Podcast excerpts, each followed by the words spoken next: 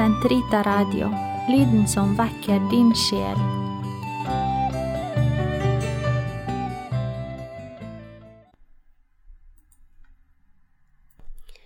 Karmels hage del tre Å finne kilden og bli værende der sammen med Therese av Avila. Men den som drikker av det vannet jeg vil gi, skal aldri mer tørste, for det vannet jeg vil gi, blir i ham en kilde med vann som veller fram og gir evig liv. Sitatet er hentet fra Johannesevangeliet kapittel fire. Det er Jesu ord til oss i dag, slik det har vært inspirasjon gjennom alle tider, også for ordenens reformator Therese av Avila, som blir hovedpersonen i det som nå følger. Hun levde i Spania mellom 1515 og 1582. Det er to aspekter ved vår tro som er fremtredende i Karmels åndelighet. En åndelighet som har ett formål – å forenes med Herren vår Gud i himmelen, men også stykkevis her på jorden. Det ene aspektet er å vende om, vende tilbake til kilden, som i våre åndelige liv er ordet og sakramentene, mottatt i bønn og tilbedelse, og som orden å vende tilbake til Karmelordens opprinnelige regel, for her å finne veiledning og beskyttelse for å nå målet. Det andre aspektet er å bli værende i denne kilden i stillhet og tillit, uavhengig av det åndelige livets skiftende omstendigheter, som er ledemotiv i sentrale deler av Johannes-evangeliet, der Jesus stadig repeterer Bli værende. Hele det reformerte Karmels karisma, historie, arv og veiledning dreier seg nettopp om å gi sjelen beskyttelse og veiledning til å bestige dette bønnens fjell, Karmelberget, for der å forenes med brudgommen, Jesus Kristus, og bli værende der, i våre hjerter, også i det aktive livet. Karmels regel er utgangspunktet og ankerpunktet både for Karmelordenen og hver enkelt karmelitt, også for legkarmelittene, selv om de ikke nødvendigvis kan leve den etter bokstaven. Så før vi ser nærmere på Theresas liv, må jeg bare kort nevne litt om regelens tilblivelse.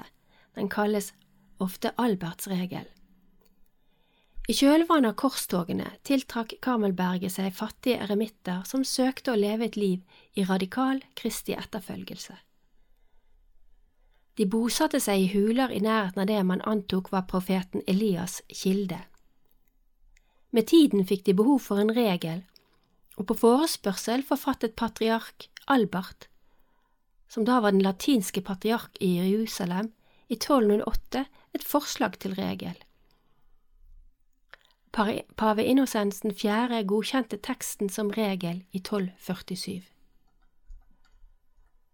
Denne regelen ble formildnet under pesten på 1300-tallet, for siden ikke å bli tilbakeført i sin opprinnelige form. Det var altså denne mildere varianten som var Therese av Avilas rettesnor de årene hun var nonne i inkarnasjonsklosteret i Avila på midten av 1500-tallet. Hun innså imidlertid den opprinnelige regelens styrke og søkte å føre ordenen tilbake til denne. Da det var lite gehør for å reformere det klosteret hun da tilhørte, førte hennes innsikter til opprettelsen av nye, lukkede klostre etter den opprinnelige regel. Therese av Avila reformerte karmelittordenen og ble de uskodde karmelittenes mor og grunnlegger. Teresa er en bauta i mitt liv. Det var hun som etter hvert ledet meg som søkende og kirkeløs sjel til kirken på midten av 1990-tallet. Det var via den katolske bønneboken, gjennom den vakre bønnen Din er jeg, til deg jeg skaptes, at jeg for første gang ble trukket inn i Teresas magnetfelt. Jeg leser her et kort utdrag. Din er jeg, til deg jeg fødtes, hva er din vilje med meg? Din er jeg, for du har skapt meg. Din, for du har gjenløst meg. Din, for du bar over med meg. Din, for du har kalt meg. Din, for du har vernet meg. Din, for uten deg var jeg fortapt. Hva er din vilje med meg? Gi meg død, gi meg liv, gi meg sunnhet eller sykdom, gi meg ære eller skam, gi meg krig, gi meg fred, gi meg styrke eller svakhet. Til alt du vil, sier jeg ja. Hva er din vilje med meg? Din er jeg, til deg jeg fødtes. Hva er din vilje med meg? Hvilke ord, hvilken bønn, hvem kunne be noe slikt? Mine spørsmål var mange, i en livssituasjon med krevende helseutfordringer. Hennes aksept for svakhet, sykdom og skam, om det skulle være Guds vilje, var meg en gåte og en provokasjon. Men like fullt et budskap som trakk og trakk like inn i kirken. Siden skulle hennes skrifter og Karmelorden få stadig større plass ettersom de uskodde karmelittenes sekularorden fikk fotfeste i Bergen i 2006. Teresa av Avila er en mystiker i apostolisk tjeneste og en kontinuerlig gavepakke til den som ønsker å ta imot Guds gaver. Man blir aldri ferdig med hennes skrifter. Ikke bare skrev hun mange bøker, men hun dekker også et helt livs, livsløp av stadier på troens vei, fra den spede begynnelse til en fullkommen kontemplativ helgens liv. Vi er heldige å ha to sentrale bøker i norsk oversettelse, nemlig selvbiografien Boken om et liv og hennes siste bok og store mesterverk Den indre borgen. Teresa er, som jomfru Marias datter og Kristi redskap, ikke bare en historisk viktig person. Nei, gjennom sine skrifter blir hun spill levende for oss i dag. Hun er full av gjenkjennelig menneskelighet, svakheter og styrker og urokkelig tro. Hennes omgivelser i 1500-tallets Spania og de noe, i hermetegn, eksotiske botsøvelsene hun beskriver, kan nok synes fremmed for mange av oss, men likevel er hun en magnet på en søkende sjel. Å komme inn i hennes berøringsfelt er som å bli fanget i apostelens not. Hva er det som trekker slik? Karmelittbroder og kardinal Anders Abrelius, som selv er karmelitt, og levde i Noraby inntil han ble biskop i Sverige, skriver Teresa kan hjelpe oss til å ta imot Jesu kjærlighetsfulle blikk. Hun snakker ofte om kontemplasjon. Vi oversetter ofte dette begrepet med ordet betraktning, men det blir kanskje lettere å forstå om vi prøver å forklare dette bønnens høyeste stadium på følgende måte. Brudgommen ser på sin brud, og når hun virkelig lar seg betrakte av ham. Forvandles hennes blikk slik at hun får del i hans måte å se på.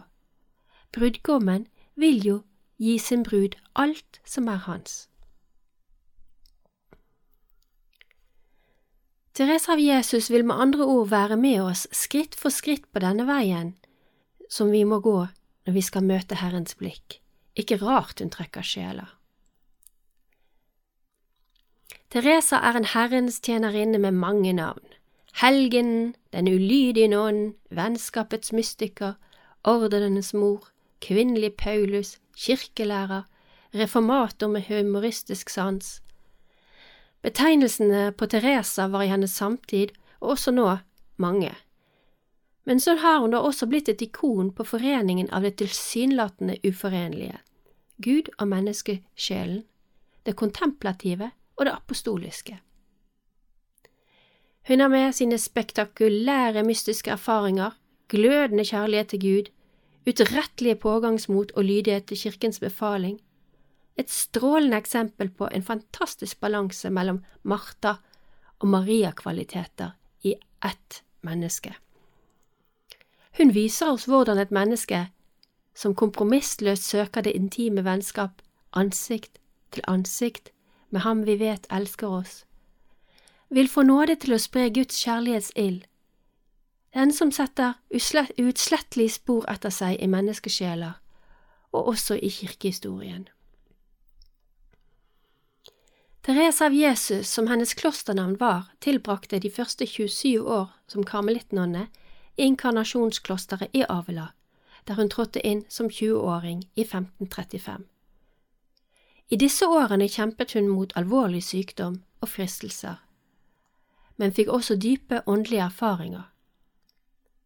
Med mystiske nådegaver og en personlighet som trivdes i samtalerommet med sladder og nyheter om løst og fast, levde hun i nesten 20 år, revet mellom det hun betegner som denne verdens forfengelighet, og den indre bønnen som hun visste Gud kalte henne til.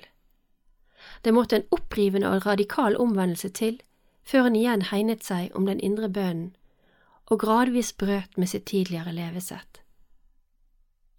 Tanken om et klausurert kloster som skulle følge den opprinnelige regelen, begynte å ta form, og hun skjønte at det hun kaller det fordervelige liv hun hadde levet i inkarnasjonsklosteret, aldri hadde kunnet utvikle seg i et lukket kloster etter den opprinnelige regelen.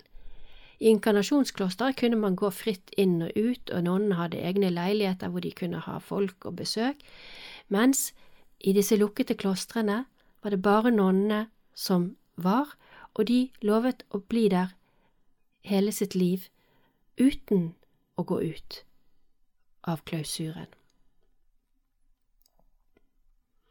Hennes kamper og insekter og store omvendelse kan vi lese om i boken om et liv. Her kan vi også lese om tilblivelsen av det lukkede, reformerte, kontemplative St. Josef-klosteret som hun grunnla i 1562, for å gi nonnene denne beskyttede atmosfære og anledning til mystisk bønn og forening med sin Herre. Foruten klausuren, som skjermet dem fra forstyrrelser utenfra, bestod denne beskyttelsen i kompromissløs fattigdom. Klostrene skulle ikke ha faste inntekter. Nestekjærlighet, stillhet, bønn, lydighet, ydmykhet og hardt arbeid. Slik skulle nonnene få anledning til å legge fra seg alle bindinger til det skapte og bli fullkomment tilgjengelige for den levende Gud, som lengter og tørster etter våre sjeler. Målet for dem alle var at de skulle få hjelp til raskt å gå gjennom de forskjellige bønnens stadier og oppnå foreningen med Jesus Kristus i det mystiske ekteskapet, slik som hun selv skulle få erfare. Teresa fikk sine fem kanskje lykkeligste år som klausurert nonne i St. Josef-klosteret i Avila. Men fra 1567 av ble hun en reisende i klosterstiftelser over hele Spania. Hun stiftet ikke mindre enn 17 klostre de siste 20 årene av sitt liv. Innimellom all denne reising og organisering, og til dels stor motstand både fra lokalsamfunnene der de stiftet klostre, og også etter hvert fra enkelte overordnede, forfattet hun altså en rekke åndelige skrifter. For dette ble hun i 1970 erklært som den første av kirkens tre kvinnelige kirkelærere.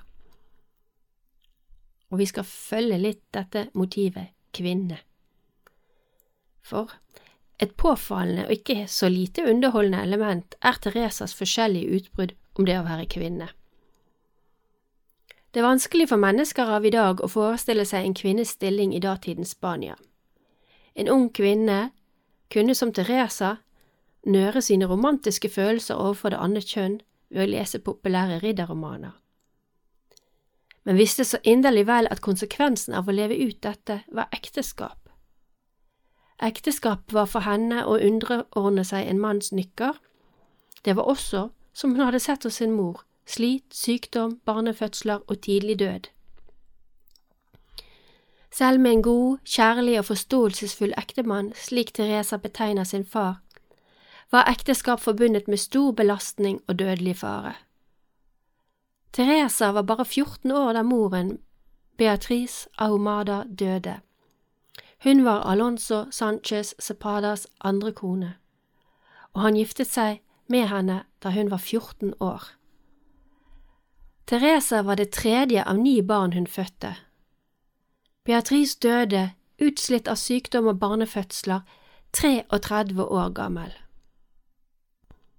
Kvinner kunne også være en belastning for en familie fordi medgift var nødvendig for et ekteskap, ja faktisk også for inntreden i klosteret.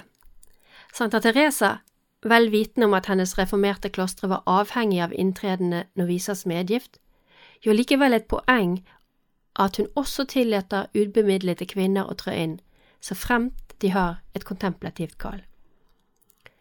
Så Teresa kan på mange måter ses på som en 1500-tallets kvinnefrigjører i Guds tjeneste. Hun kjempet for disse kvinnenes mulighet til å være fri fra ekteskap slaveri, som hun kunne kalle det, så de kunne være helt frie til å tjene Gud. Klosterinntreden var kanskje eneste mulighet for en kvinne til å leve et sosialt anstendig liv uten et liv med mann og barnefødsler. Teresa, som ved flere anledninger beklager seg over å være en stakkars utdannet kvinne, setter mot i sine søstre med ordene Kjemp som sterke menn. Kanskje var hun, dypt i sitt hjerte preget av historien om Jimena Blankes bragder, som årlig ble feiret gjennom fest og drama i Avila. I sin manns fravær hadde hun forsvart byen mot maurene. Hun hadde samlet sammen kvinnene, forsynt dem med falske skjegg og mannsdrakter, så de lignet barske krigere, og sammen seiret de. Vi kan ikke avslutte denne beretningen om Teresa uten å ta med noen ord om veiledning og metoder som hun presenterer. Teresa vet at ingen som begir seg inn i mystikken i møte med Gud, kan lykkes uten stor grad av selvinnsikt og vilje til å underkaste seg en radikal endring. Dette som bare er mulig om vi tør å se den smertefulle sannheten om oss selv, og stadig søke omvendelse. Flere hundre år før moderne psykologisk kunnskap kategoriserte og diagnostiserte hun mennesker, foreskrev åndelig medisin så vel som råd om bruk eller ikke bruk av datidens behandlingsmetoder. Hun var, som en moderne psykolog, klar over at mennesket besto av mange lag. I tillegg visste hun at kun den som hadde mot til å se seg selv, sin syndighet, sine feil, bevisste som ubevisste, kunne lykkes med å overgi dette til Gud. Kun den som smertefullt lot, det være seg hovmod eller angst, smelte i Guds kjærlighets smeltedigel, hadde mulighet til å gå videre på denne veien. Hun visste også at i denne selvbeskuelsens nødvendighet lå det skjult en dødelig felle, selvopptattheten. Hennes metoder og oppfinnsomhet for å få bukt med selvopptattheten og det falske selvets utrettelige kamp for ikke å gi slipp var mangfoldig. Et påfallende trekk er humor. Aldri har jeg møtt så mye glede og latter som nettopp hos kvinner og menn som lever nært Gud, Karmel intet unntak. Aldri har jeg lært så mye om det åndelige livet slik det leves i og blant mennesker, som nettopp gjennom latter. Jeg møter den hos alle åndelige mennesker, prester, veiledere, nonner, søstre, andre, uavhengig av hvilken av kirkens retninger de er oppfostret i. Selvopptatthet, selvhøytidelighet og gravalvor er dødsskift i det åndelige livet.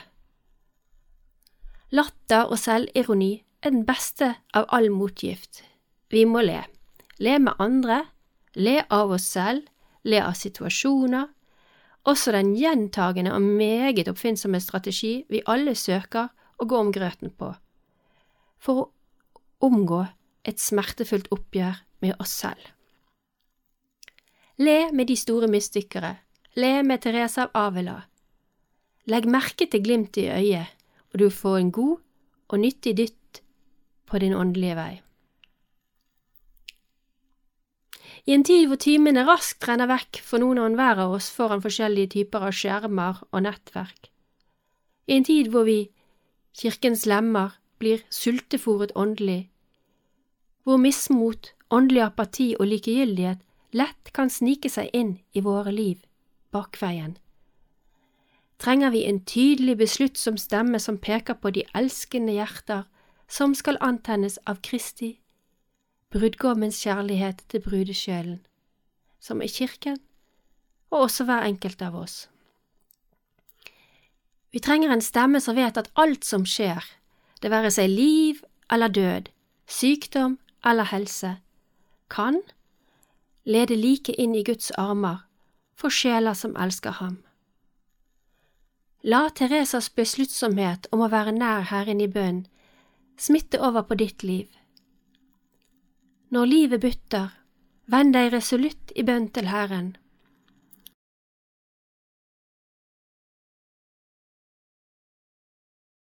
Ja, la Teresa inspirere til besluttsom besluttsomhet, til å leve et liv i bønn og nestekjærlighet, for og med Jesus Kristus, Han som bare venter på å bli fullkomment inkarnert i våre liv. La dette vesle diktet man fant i hennes breviar etter hennes død, få plass i din bevissthet. La intet uroe deg La intet forskrekke deg. Alt forgår. Gud forandres ei. Tålmodigheten oppnår alt.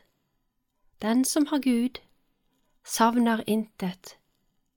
Gud alene er nok. Amen.